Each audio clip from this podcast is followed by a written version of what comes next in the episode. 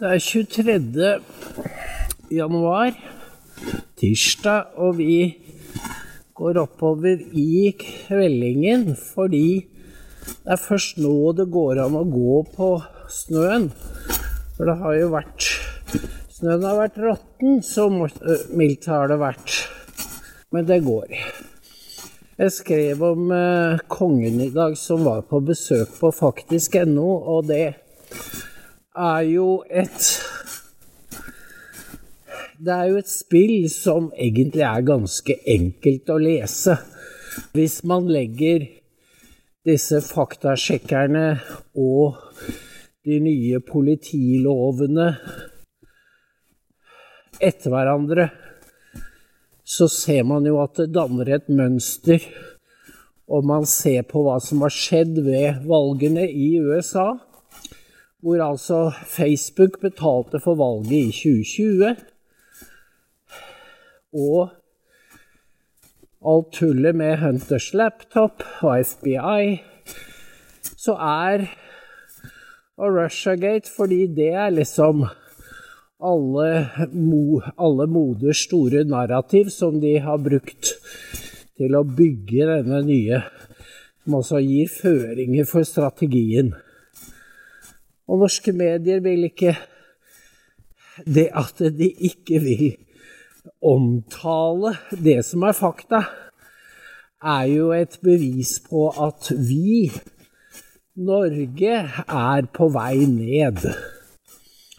Og sammen med denne nedturen så følges den jo av en narsissistisk nepotistisk kultur. Nå har Mikael Jalving skrevet et stykke om Danmark og hektet på Sandra Borch og Kjerkol. Fordi, legg merke til, det kommer ingenting ut negativt om de som er på riktig side, av dvs. Si den nye sjefsredaktøren for Jyllandsposten, som altså kunne Jeg syns hun minner om en karakter i House of Cards. Og hun var da så dum, det må man jo si, at hun skrøt av at hun hadde hjulpet en venninne med sin eh, akademiske oppgave.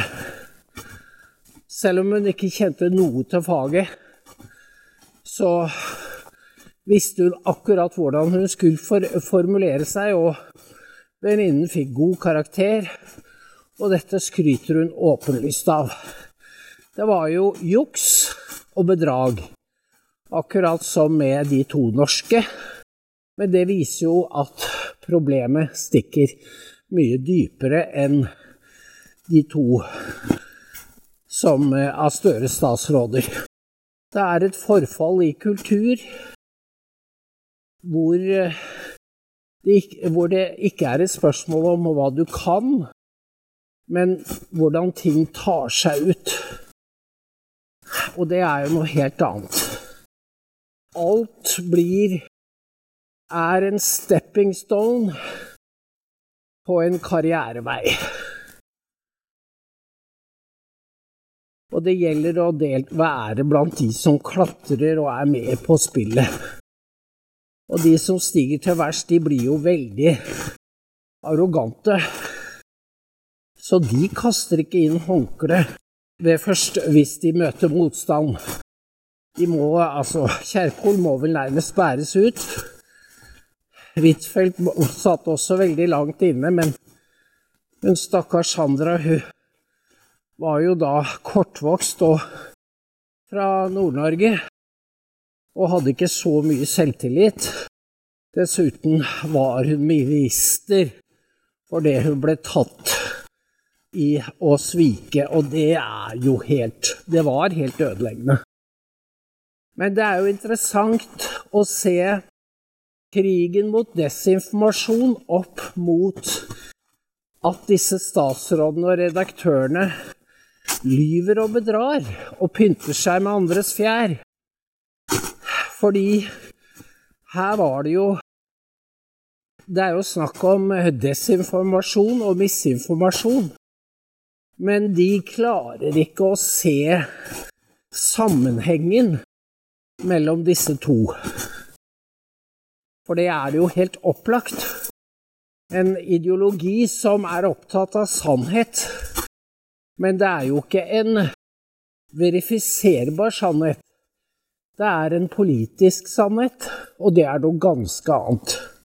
Dette blir altså små barnesinn utsatt for nå i Norge hver eneste dag. Og hva resultatet blir, det er ikke godt å si, men det blir i hvert fall ikke lykkeligere barn. Det blir ikke barn som kan mestre, og som kan navigere i denne virkeligheten. Noe av, den, noe av den, all den mentale sykdommen vi har nå, har å gjøre med denne viljen til uærlighet, vil jeg kalle det. For det er det det er. Og her må vi, må vi være helt klare på hva vi står overfor. Fordi det er rett og slett noe eh, Ikke noe annet enn at eh, noen prøver å ta, som jeg kaller det, patent på virkeligheten. Og det er bare totalitære systemer som gjør det. Det er nettopp derfor vi kaller dem totalitære, fordi de de vil eie definisjonsmakten. Og de krever at du avlegger trosbekjennelse i smått og stort hver eneste dag. Og det er det som er nifst, at alle de regler og påbud vi får, inngår i et mye større hele, hvor vi hver dag avlegger bevis på vår lydighet og lojalitet. Og så kan du spørre hvem er det som har funnet på dette her? Er det en plan bak? Det kan ikke jeg svare på, men det er ikke så vanskelig Altså, i USA er det helt opplagt sterke krefter som for enhver pris vil unngå at Trump kommer til makta. Og da mener jeg enhver pris, inklusive med attentat og vold. Men så er det det at nå er magabevegelsen blitt så sterk at de nok nøler litt med å ty så drastiske virkemidler. Ja, det blir ikke noe langtur, for det var fryktelig slitsomt å gå i denne snøen. Men. Så i kveld er det valg i første primærvalget i New Hampshire. Og søndag så ga Nikki Haley et intervju hvor hun spilte ut rasismekortet. Jeg hadde ikke trodd hun var så dum, men det gjorde hun. Hun sa da at hun som indisk fikk merke på skolen at hun ikke var bra nok. Det var jo det samme Kamala Harris gjorde i en av de første debattene for demokratene i 2020, hvor hun sa til Biden du, jeg skal fortelle av ei jente på skolebussen. And that little girl was me. Hun prøvde da å gå for å være svart, og det er hun jo ikke. Hun er mulatt. Og det i dagens USA, det å spille rasekortet i en politisk diskusjon, det er meget risikabelt. For da viser du at du er så svak at du må bruke krykker. Du må appellere til folks medynk, og du vil ha favorisert status. Da kan du ikke bli president. For da skal du være sterk. Du skal ikke bruke fordel, fordelskortet. For hvis hun hadde vært sterk, så hadde hun ikke behøvd det. Da hadde folk sett wow, hun er fra, av indisk opprinnelse og har klart seg så godt. Hun er et bevis på at the American way of life fungerer. Men det gjorde hun ikke, og da faller hun i amerikanernes aktelse. For hun må, hun må jukse, hun må skaffe seg en fordel. Og på toppen av det hele så er hun så dum at hun sier at eh, Trumps mentale kapasitet ikke er hva den var. eller ikke er up, up to the job. Og sånn er det jo. Legg merke til, sånn er det jo også i våre, vårt samfunn. At de som bruker rasismekortet, sånn som NRK og mediene gjør hele tiden, de faller i den tause befolkningens øyne. De skjønner godt hva det betyr. At det er noen som skal ha fordeler pga. hudfarve eller religion. Og da, da er det en isfront.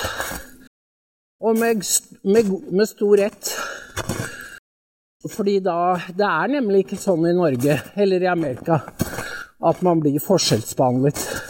Det er tvert imot sånn nå at man skal være ikke-hvit for å få jobb eller, eller eh, i Man annonserer jo nå etter folk som oppfyller visse kriterier. Og det, det kriteriet, det innførte jo eh, Duracell-kaninen eh, Vestre næringsministeren rett før jul, da kom han med, eller var det i romjula, da kom han med denne forordningen om at 40% av alle styreverv skal bekles av kvinner. Det er snakk om flere tusen personer.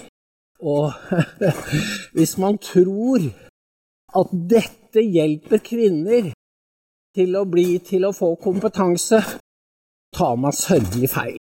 Da lever man i en periode av kvinnekampen som for lengst er forbi. Og Vestre og Hans Geliker de vil jo bare bruke dette som, en, som et mønster for nye kvoteringer.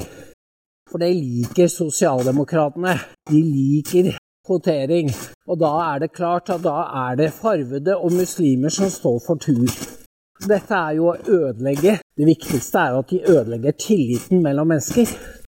Kan jo tenke deg å sitte da i styrer i styre og stell, og den du har overfor deg, den vet du har kommet inn pga. hudfarve eller religion. Det er et godt utgangspunkt for samarbeid. Det er jo i virkeligheten en overtagelse av det offentlige rom. Tvangskollektivisering er det rette ordet. Det var det jo bolsjevikene som gjorde med landbruket. Men det er akkurat det samme de gjør med tilliten mellom mennesker. Det er tvangskollektivisering. Og det som er blitt til ved tvang, det er ikke liv laga. Det vet vi. Det de gjør, er å ødelegge tilliten mellom folk.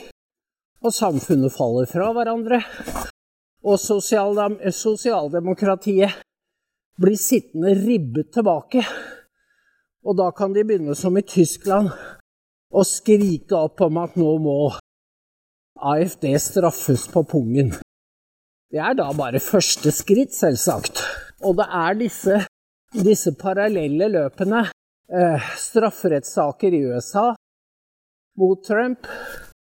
Straff, straff, økonomisk straff mot AFD i Tyskland. De har noe til felles. Og det er at det er de hvite, det er de innfødte, som skal holdes nede. Og dette er et livsfarlig spill. Fordi de fleste mennesker nå, bortsett fra hvit øvre middelklasse, for det er de som har råd til denne luksusen, å føre en politikk på fellesskapets bekostning, de begynner å merke de, de skal få betale, men de stiller dårligere. Og hvis de tror at folk ikke ser og ikke tør å uttale seg, så tar de feil. De har ikke forstått noen ting av Sovjetunionens fall. Fordi et samfunn som bygger på løgn og makt, løgn og makt og sensur, er dømt til å falle før eller siden. Men spørsmålet er jo hvordan det faller. Og det trenger jo ikke gå så bra som vi gjorde i Sovjet. Det kunne gått helt annerledes. Og at vestlige samfunn har beveget seg inn i en posisjon hvor man kan begynne å sammenligne med Iran, altså hvor regimet ser med dyp mistro på sitt eget folk og bruker repressive midler for å holde dem i age. Det er et fint, gammelt ord. vi skal holdes i age. Fordi hvis du først har forkastet tillitsbasert politikk, så er du over på et helt annet spor, og det er der norske og vesteuropeiske myndigheter har befunnet seg i lang tid.